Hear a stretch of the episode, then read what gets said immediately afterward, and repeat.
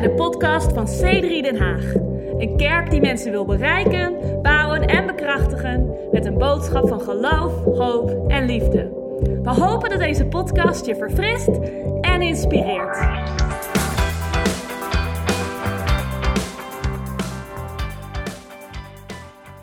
Efeze hoofdstuk 4, vers 11 tot en met 16. Wie van ons vandaag die kijkt in watchparties of thuis is enthousiast? Ehm, ik hoop dat je enthousiast bent. Eh, ik hoop dat je verwachting hebt. We gaan eh, de tekst lezen eh, uit het levende woord van God. Dus dat is een reden om enthousiast te zijn. Op het moment dat we onze iPad aanzetten en of onze telefoon of onze analoge Bijbel openen om het woord van God te lezen, zou dat een verwachting moeten creëren in ons leven. En, en dus dat, is wat we, dat is wat we gaan doen. We gaan de Bijbel lezen met verwachting vandaag. Hey, het is niet illegaal om aantekeningen te nemen of om ehm, tweets en posts te delen. Ehm, zelfs tijdens de dienst, eh, zolang je maar niet bezig bent om eh, te kijken hoeveel likes je krijgt en dat soort zaken die minder van eeuwigheidswaarde hebben, eh, dan minder eeuwigheidswaarde hebben dan het woord van God. Oké, ben je klaar voor? Ik zei, ben je er klaar voor? Mensen thuis. En, eh, ehm, en het is goed ook opnie- opnieuw weer om eh, deze diensten live op te nemen. We zijn nog steeds bezig om, ehm, om ons live eh, verder te zetten tot het punt dat we volledig live kunnen gaan eh, tegelijkertijd. Eh, Nicola gaat er ook zo meteen wel over, wat over zeggen tijdens het offer. Ehm, maar we gaan bezig met de boodschap stop naar de kerk te gaan. Efeze hoofdstuk 4. Ik ga gewoon beginnen. Er staat, en hij, God, heeft sommigen gegeven als apostelen, anderen als profeten, weer anderen als evangelisten en nog weer anderen als herders en leraars, om de heiligen toe te rusten tot het werk van dienstbetoon. Tot opbouw van het lichaam van Christus, totdat wij alle komen tot de eenheid van het geloof en van de kennis van de Zoon van God, tot één volwassen man, tot de maat van de grootte van de volheid van Christus, opdat wij geen jonge kinderen meer zouden zijn. Ehm, dat is niet beledigend bedoeld naar jonge kinderen, maar je begrijpt wat ik bedoel.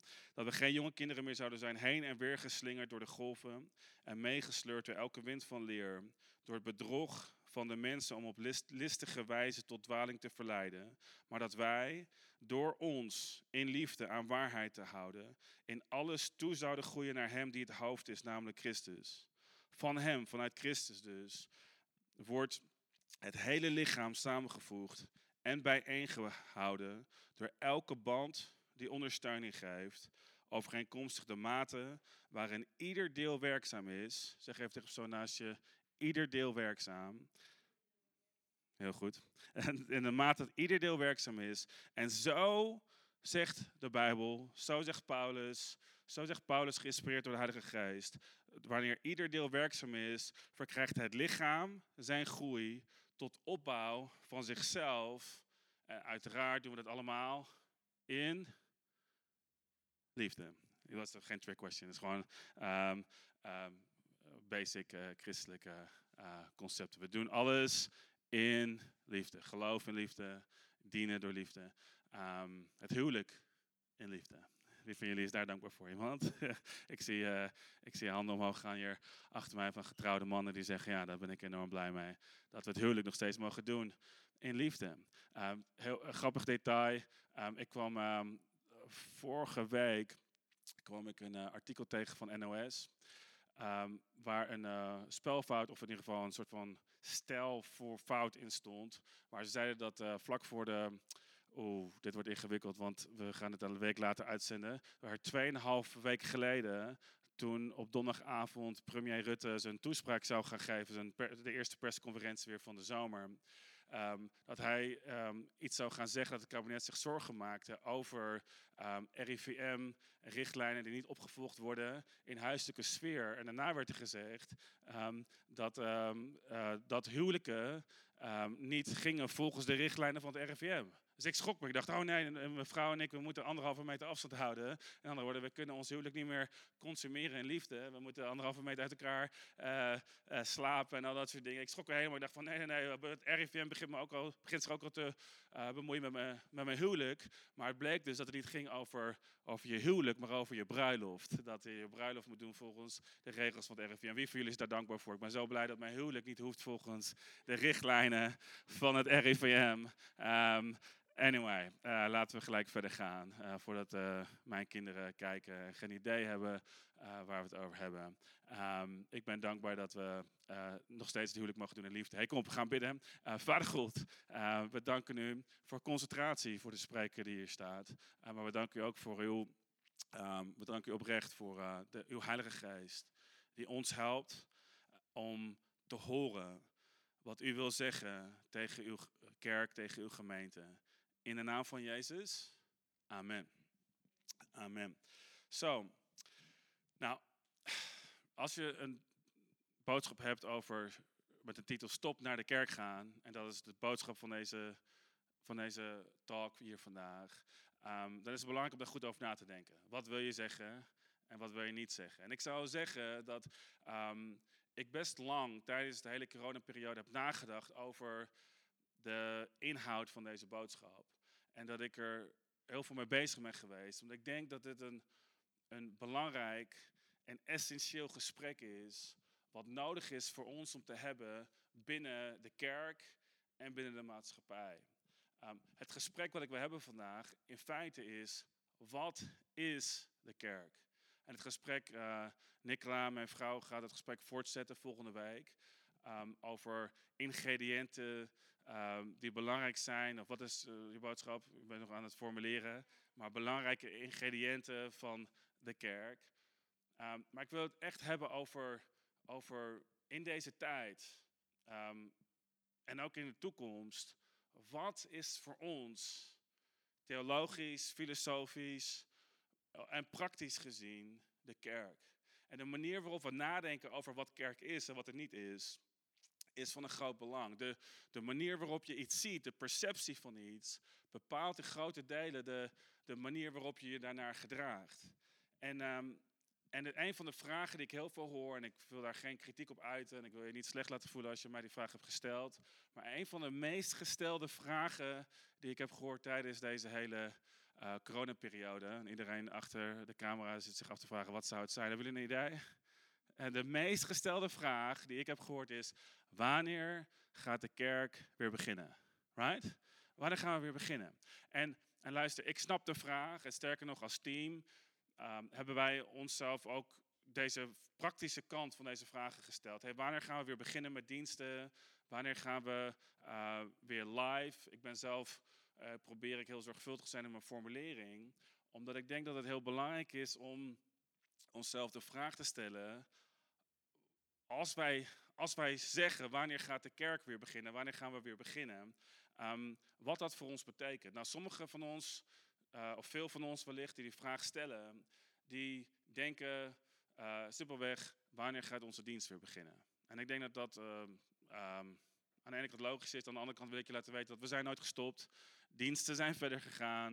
Daar zijn we nu mee bezig. Je bevindt je momenteel in de dienst. Dus um, we zijn nooit gestopt. En dat is belangrijk om te laten weten. Maar ik denk dat voor, voor veel van ons, zo niet voor ieder van ons, er op een bepaalde mate een denkwijze is, inclusief mezelf, inclusief mijn gezin, dat we, dat we op ergens een idee hebben bij de kerk dat het een gebouw is waar we naartoe gaan. Of dat het een, een club is waar we een deel van uitmaken. Dat, het een, dat de kerk is een instituut die we op dit moment, waar we misschien op dit moment aspecten van missen. En ik denk dat het enorm belangrijk is om in deze fase om onszelf de vraag te stellen: wat is de kerk? Wat, in de kern. Niet, niet, niet in de, in de expressie of in de uitingen en de dingen die we missen. Want hey, um, Nicola en ik, onze kinderen, wij missen aspecten van kerk zijn zoals het hier voor, uh, voor deze coronaperiode was. Ik mis aspecten van aanbidding en samen zijn en iedereen uh, kunnen zien in één ruimte. Dus er zijn dingen die wij missen waarvan we zeggen, hey, wanneer gaat dat weer beginnen? En tegelijkertijd is het belangrijk om ons af te vragen, wat is de kerk?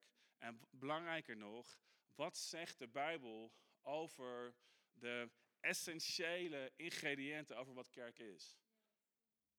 En het fascinerende is, Efeze is een boek, Efeze waar, waar ik net uit citeerde, is een Bijbelboek waarvan de basis, het basisidee, de basisopenbaring van het boek is de openbaring van de kerk. Het mysterie van de kerk. Van de kerk. En Paulus pakt dit uit en hij vertelt ons verschillende dingen. Ten eerste, hij geeft ons een beeld van de autoriteit van de kerk. Hij vertelt ons in hoofdstuk 1 hoe, uh, hoe groot het voorrecht is dat wij gezegend zijn in alle geestelijke zegeningen en hemelse uh, plaatsen in Christus Jezus. En dan begint hij ons te vertellen welke positie wij hebben. Dat wij gezeten zijn in Christus Jezus in hemelse plaatsen, boven iedere macht, boven iedere autoriteit, boven alles. En dat uh, alles wat zichtbaar is en alles wat onzichtbaar is, boven heerschappijen. En dat wij in Christus Jezus gezeten zijn. En, en dat Hij, Jezus, door de kerk alles in, alle, in, alles vult. Een beetje een mysterieus verhaal, maar we beginnen te zien dat wij uh, gezeten zijn in Jezus boven iedere plaats van macht en autoriteit. Dus we leren iets over, over de, de positie die we hebben als gelovigen en de positie die we hebben als kerk, de autoriteit van de kerk. We leren dat door de kerk de veelzijdige wijsheid van God zichtbaar wordt. Niet alleen maar in de wereld, maar ook aan uh, overheden en, en aan machten. En wie van ons weet dat er um, heel veelzijdige wijsheid is in de kerk. Kijk om je, om je heen in je watchparty en je ziet de veelzijdige, veelkleurige wijsheid van God. In de verschillende karaktertrekken die je ziet om je heen. Kijk naar je kinderen, als je kinderen hebt. Of naar je vrienden, als je vrienden hebt. Uh, just kidding. Um, en, en je ziet de veelzijdige wijsheid van God. Um, een, andere, een ander mysterie wat Paulus voor ons uitpakt, is, is iets wat heel erg cultureel lastig was. Ik denk overigens, laat me dit zeggen. Ik denk dat de eerste gedachte cultureel lastig was. Omdat um, het Romeinse leger, um, het Romeinse Rijk, het machtigste rijk was. Wat ooit tot die tijd gezien was. Ik zou willen, uh, we weten nu dat het het langstdurende um, regime was. Wat ooit heeft bestaan. Meer dan 1500 jaar. Het keizerrijk, koninkrijk. Uh, wat ooit heeft bestaan, om in de context te plaatsen, wij bestaan, Nederland bestaat zo'n 200 jaar, iets langer nu. Um, en dus dat, is een, dat was een, eh, groot en invloedrijk, um, invloedrijke macht. En hier zegt Paulus, nee, nee, de kerk is gezeten boven iedere macht en boven iedere autoriteit, zichtbaar en onzichtbaar. Ik denk dat niet iedereen zich dat besefte. Een ander ding wat niet volledig werd gerealiseerd in die tijd, is dat Paulus zei dat in de kerk, het mysterie van de kerk, dat zowel Jood als Griek samen één werden vanuit hun diversiteit één waren, en één huis werden, één uh, burgerschap hadden uh, met Jezus Christus als de hoeksteen. En, en het is fascinerend dat, dat we zien de worstelingen die de kerk had in handelingen. Om te begrijpen dat de kerk divers was. En dat, er, en dat de verschillende culturen, het Joodse cultuur en de, en de heidense culturen, samenkwamen in het huis van God. En ik denk dat het bemoedigend is om te realiseren dat veel van deze mysteries, al werden ze geopenbaard in de Bijbel, niet helemaal begrepen en bevat werden door de mensen die dat op dat moment uitleefden. En ik denk dat de reden waarom ik dat wil zeggen is omdat um, het is één ding om een mysterie onthuld te hebben. Het is een ander ding om het mysterie te kunnen zien. En het is weer iets anders om de, de volledigheid van het mysterie te bevatten en te kunnen uitleven. En de reden waarom ik dat zeg, is omdat ik nog een mysterie zie in Efeze, die we hier net hebben uitgepakt in hoofdstuk 4. Ik weet niet of je het door hebt gehad, maar we gaan, het, we gaan je ermee helpen. Wat, een, wat iets is wat sommige mensen nog nooit van hebben gehoord. Um, andere mensen hebben gezien. Maar net zoals de andere mysteries van de kerk die we net hebben gezien, um, waar, ze, uh, maar waar we een, een schil van zien en, en wat misschien voor ons ergens nog klinkt als, een, als, als boekjeswijsheid of kennis, maar dat het niet helemaal in ons leven zit. Maar ik zou je dit zeggen, dit is een besef waar iedereen van ons in kan groeien. En dat is het idee dat, um, dat, dat de kerk niet een gebouw is. Dat de kerk niet een instituut is, maar dat de kerk een lichaam is waarvan iedere cel geroepen is om effectief en werkzaam te zijn. En laat me dit zeggen, ik denk dat heel erg veel mensen, niet zozeer per definitie in de oppervlakte, maar ik denk, ik denk, zo, ik denk eigenlijk dat 100% van de mensen in de kerk kan groeien in het besef dat de kerk niet geroepen is om, om toe te kijken naar de professionele priesters en dienaars of pastors of leiders of worshipleiders in het huis van God. Maar dat de kerk geroepen is om een lichaam te zijn waar ieder lid, iedere, iedere cel actief en effectief is. En dus, ik vraag me soms af, als we zeggen, wanneer gaat de kerk beginnen? Dat het is niet zo dat, dat we um, nu een, uh, een um, toetsingsorgaan willen oproepen, waarin we willen zeggen, dat mag je nooit meer zeggen. Want ik heb helemaal geen moeite mee. Ik zeg het ook wel eens. Wanneer gaan we weer beginnen? Of waar, hoe kunnen we beginnen? En dat soort zaken. Het gaat niet zozeer om semantiek en om, om woordkeuze. Maar waar het om gaat is wat we daadwerkelijk geloven. Wat we daadwerkelijk denken en voelen. Wanneer we het hebben over het zijn van de kerk. Want ik wil je dit zeggen dat de kern van kerk zijn nooit op pauze heeft gestaan. De kern van, van het, het zijn van een lichaam nooit op een, een of andere manier ineffectief is geweest. En ik zou je dit willen zeggen, dat er zijn aspecten die we kunnen leren door deze crisis. Aspecten over wat het DNA is van het huis van God. Wat ons in samenkomsten, in diensten of buiten diensten meer effectief kan, kan maken. Want dit is, het, dit is het onderwijs van Paulus. Hij zegt er zijn apostelen, profeten, leraren, herders en evangelisten, laten we dit niet vergeten, die geroepen zijn om de, de heilige, en iedereen die gelooft in Christus is verklaard heilig, om, om alle gelovigen te, toe te rusten tot het werk van dienstbaarheid. Wat is het werk van dienstbaarheid? Sommige christenen noemen het de bediening. Sommigen noemen het de voltijdbediening. Waar ik zou je dit willen zeggen, dit is een moment van beëdiging. Iedereen in het huis van God is beëdigd in de voltijdbediening. Want wij zijn geroepen om het werk van de bediening te doen. Dus het is niet zo dat de apostelen geroepen zijn om het werk te doen. De apostelen zijn geroepen om de kerk toe te rusten om het werk van de bediening te doen. Het is niet zo dat de profeten geroepen zijn om profetisch te zijn. De profeten zijn geroepen om de, iedereen in de kerk toe te rusten, om effectief te worden en om het werk te doen van de bediening. En dat geldt dus voor al die verschillende rollen. En ik heb het. Ik, en, ik, en, ik, en, en we weten allemaal dat in bepaalde aspecten in ons leven we een, een mindset kunnen toelaten, wat gemakkelijk toelaatbaar is, omdat het maatschappelijk gewoon simpelweg, het past in onze cultuur, waar wij toekijken. Eh, waar, we, waar kijken naar anderen die het werk zouden kunnen doen.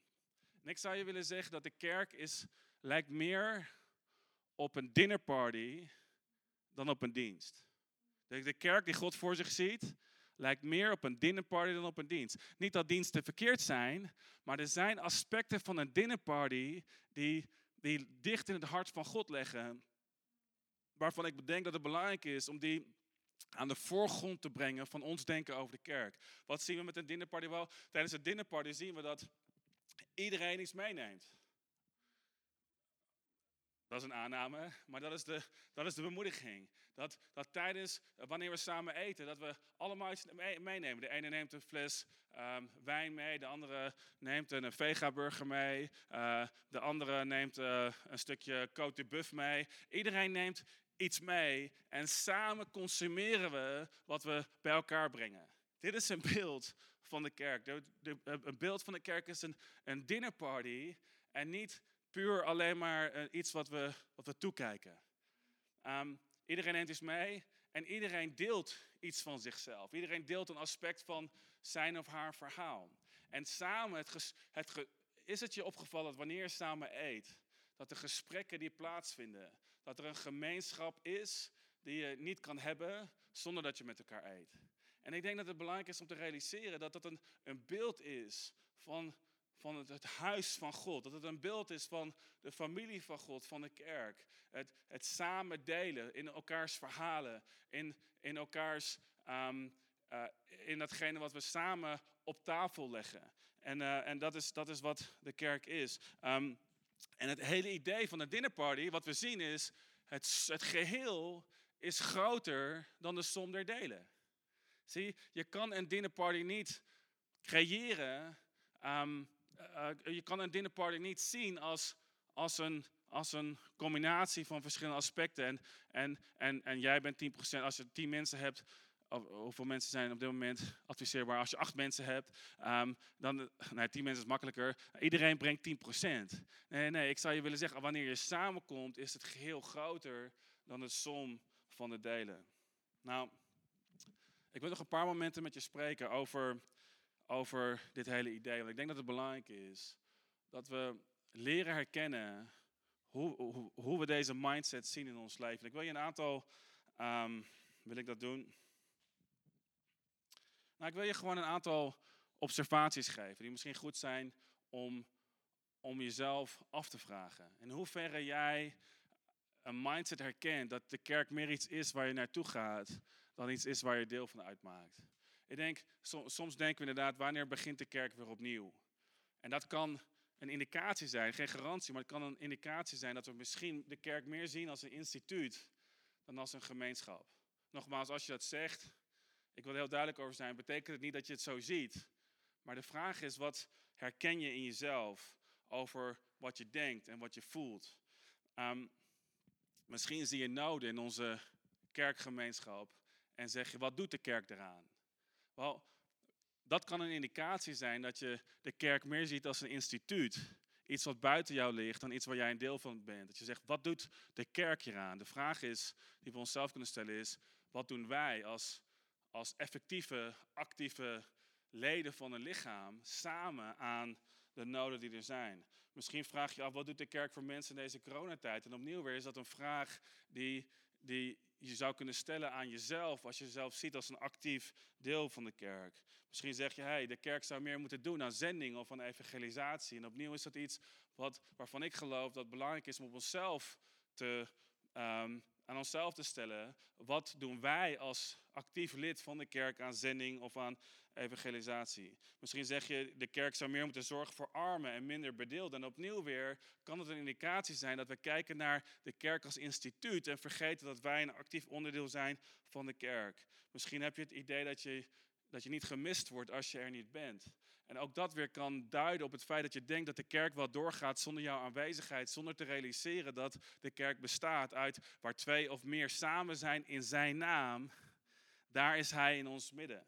Het idee van samen zijn, het idee van samenkomen, uh, online of offline, is een idee van wij zijn samen het huis van God. Wij zijn niet een instituut, maar wij vormen samen actief de kerk. Misschien zeg je, hey, ik ben te druk om mee te helpen. En dat kan een indicatie zijn dat je denkt dat de kerk een instituut is. En ik wil, niet, ik wil je vandaag niet je, uh, het gevoel geven dat je je slecht moet voelen, uh, omdat je aan het verkeerde eind trekt of dat je verkeerd bent. Ik wil je aanmoedigen om, om te ontdekken wat, wat misschien een missend ingrediënt kan zijn in je leven. Waardoor je kan zeggen, hey, de kerk is meer dan, dan een instituut. De kerk is meer dan, dan een, iets waar je naartoe gaat. De kerk is iets waar je deel van kan uitmaken. En het mooie is, is dat je zelf een rol kan pakken als je begrijpt dat de kerk bestaat uit ieder cel, iedere cel die actief is. Ik weet dat ik aan de lange kant ben vandaag, maar ik wil, ik wil simpelweg je wat, wat huiswerk geven. Um, als je zegt, hey, ik zou kunnen groeien in dit besef. Misschien zeg je, hey, ik zou meer verantwoordelijkheid kunnen nemen als, um, als lid, als actief deel van de kerk. En als je vandaag hier bent en je zegt, ik ben nieuw in de kerk en ik, ik ben het gewoon aan het uitchecken. Hey, totaal uh, valide en totaal oké. Ik vind het geweldig dat je hier vandaag bent. En ik denk dat dat zo gaat. Ik denk dat wanneer je nieuw bent in de kerk, dat het een, een flirtende daterelatie is. We zijn aan het flirten op dit moment. Ik weet of je het niet gelooft of niet. Op een kerkelijke manier. En uh, we kijken of er een klik is of, of er een match is in waarde. Maar ik geloof dat als we samen een relatie aangaan, wat, wat een, een kerkelijke gemeenschap is, dat, er, dat het meer betekent dan alleen maar iets om naartoe te gaan of iets waar je misschien door de week eens een keertje wat mee wilt doen. En de vraag is, wat kun je doen? Wie van ons vraagt zich af, wat kan ik doen? Iemand? Kijk even naar de persoon naast je zeg, hey, wat, wat kan ik doen? Wel, ik wil het heel simpel maken. Ehm, ik wil je een aantal dingen geven die je vandaag kan doen op basis van de tekst die je net zag. Het eerste wat je zou kunnen doen is uh, wees een eigenaar. Wees een eigenaar. Ik denk dat het zo goed zou zijn als je zou kunnen zeggen: hey, ik kijk niet langer meer naar de kerk en wat de kerk kan doen voor anderen. Ik kijk naar mezelf en wat ik zou kunnen doen om een toevoeging te zijn um, als actief lid, als actief onderdeel van het lichaam van Christus. We zien teksten als, um, waar ik het over heb gehad, om alle heiligen toe te rusten tot het werk van dienstbetaal. Wij zijn allemaal heiligen die geroepen zijn om toegerust te worden, om te groeien, om samen de wereld om ons heen en elkaar te dienen. Er staat, totdat wij alle komen tot eenheid van het geloof en de kennis van de Zoon van God. Zie, opnieuw weer, we zien hier, het gaat om iedereen. Niemand wordt achtergelaten. We nemen iedereen mee om te groeien in geloof. Ehm, we zien hier overeenkomstig de mate waarin ieder deel werkzaam is.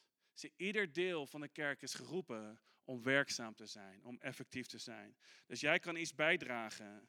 En een van de dingen die je zou kunnen zeggen is, je zou ook vandaag een bericht kunnen sturen of iemand kunnen vragen die je actief ziet meebouwen is, hey, wat kan ik doen om mee te helpen? Als je een nood ziet, als je iemand ziet in de kerk waarvan je zou zeggen, hey, waarom doet de kerk hier niets aan? Zou je kunnen zeggen, hey, wat kan ik doen om de kerk te zijn? En om een actief, um, om, om, uh, om, om werkzaam te zijn, zoals ieder deel van, de, van het lichaam geroepen is om te doen. En de ironie is, de dingen waar je in bijdraagt, zijn de dingen waar je in groeit. En ik denk dat je zou merken dat je zou groeien in jouw capaciteit om anderen te dienen, als je leert om een stap te nemen om te zeggen, hey, ik neem verantwoordelijkheid voor het huis van God. Ik had een aantal punten, maar een aantal gedachten, maar ik ga nog met één gedachte achterlaten. En Nicola gaat de rest doen komende week. um, in haar eigen woorden en vanuit haar eigen voorbereiding. Maar de tweede gedachte die ik met je wil delen vandaag, en de band kan beginnen te spelen, want we gaan hier een inspirerend moment van maken. Just kidding. Um, is, word een band die ondersteuning geeft. Word een band die ondersteuning geeft. Er staat hier dat het lichaam bijeengehouden wordt door elke band die ondersteuning geeft. Overeenkomstig de mate waarin ieder deel werkzaam is. En zo verkrijgt het lichaam zijn groei tot opbouw van zichzelf in liefde. Ik weet nog, een aantal jaar geleden had ik een, um, had ik een beetje een ongelukkig moment op een surfboard. Um, waar een ander surfboard tegen mijn elleboog kwam. En het vreemde was, ik had een blessure in mijn elleboog, maar ik kreeg last in mijn schouder. En ik ging uh, veel te laat naar een fysiotherapeut. En ik zei, hey man, uh, hey, uh, nee man. ik zei, hey, ik heb last van mijn, van mijn, van mijn schouder. En wat ze zei is, nee, nee, je hebt geen last van je schouder, je hebt last van je elleboog. Maar omdat je elleboog niet op een goede manier functioneert, ben je aan het overcompenseren in je schouder. En dat is waar de pijn in je schouder vandaan komt. En ik moest erover nadenken, want ik dacht, het zegt veel over de kerk. Omdat de Bijbel spreekt hier over banden en over joints, over verbindingspunten die, um, die ondersteuning geeft, die, die, die, het lichaam bij elkaar houden en die, um, die, uh, die dingen, die groei doorgeven. Zie, wanneer er een aspect is in je lichaam, wat als er een, een, lid, een ledemaat is in je lichaam die niet goed functioneert, dan zul je merken dat andere ledematen moeten beginnen te overcompenseren. En dus de schouder van het lichaam van Christus begint stress te krijgen, omdat de elleboog van het lichaam van Christus niet functioneert. En ik denk dat het goed is om te realiseren dat het is een beetje waar de analogie ophoudt. Want ik realiseer me dat DNA zit in ieder, iedere cel van je lichaam. Maar ik denk dat het goed is om te realiseren dat jij een joint kan zijn. Dat jij een, een, een band kan zijn die, die DNA doorgeeft. Die um, het DNA van het lichaam verspreidt. En die, die leven, um, het leven wat door je de cellen, door je, je bloedcellen heen stroomt. Die het lichaam leven geeft. Wij zijn een onderdeel die, die verbond, verbinding kan creëren met andere mensen. En misschien is er iemand die je kent en waarvan je zegt van hey, die persoon heeft verbinding nodig. Die persoon heeft een band nodig. Die persoon heeft bemoediging nodig. Die persoon heeft een bemoediging nodig om simpelweg uh, een stapje bij te zetten in het nemen van verantwoordelijkheid. Op wat voor gebied dan ook. Ik denk dat het belangrijk is om te realiseren dat wij allemaal samen een band kunnen vormen. En als jij een band wordt die ondersteuning geeft, als, als we samen, als ieder lid werkzaam wordt, dat we kunnen groeien um, als lichaam van Christus. En zie, God stopt niet voordat ieder, ieder deel van zijn lichaam actief is. En ik denk dat het onze missie is. En onze missie moet zijn om elkaar te activeren. Om elkaar aan te vuren in daden van liefde. Om elkaar aan te vuren in daden van commitment. Niet alleen de, de pastors of de leraren of de apostels of de evangelisten of de profeten. Maar iedereen die elkaar dient en elkaar bedient en elkaar inspireert en elkaar aanmoedigt om te zeggen: hey, dit is je God. Dien Hem met heel je hart. Dit is het huis van God. Hou van het huis van God met, uh, met wat er in je is. En, en ik geloof dat als we dat samen doen, dat we zullen groeien in ontwikkeling. Um, ik ga hier eindigen kerk, maar ik ben zo gepassioneerd over, over het delen van dit essentiële onderdeel van kerk. Bedankt voor het luisteren naar deze podcast. Wil je er op zondagochtend ook een keer bij zijn? Je bent van harte welkom. Ga voor meer informatie naar c3denhaag.nl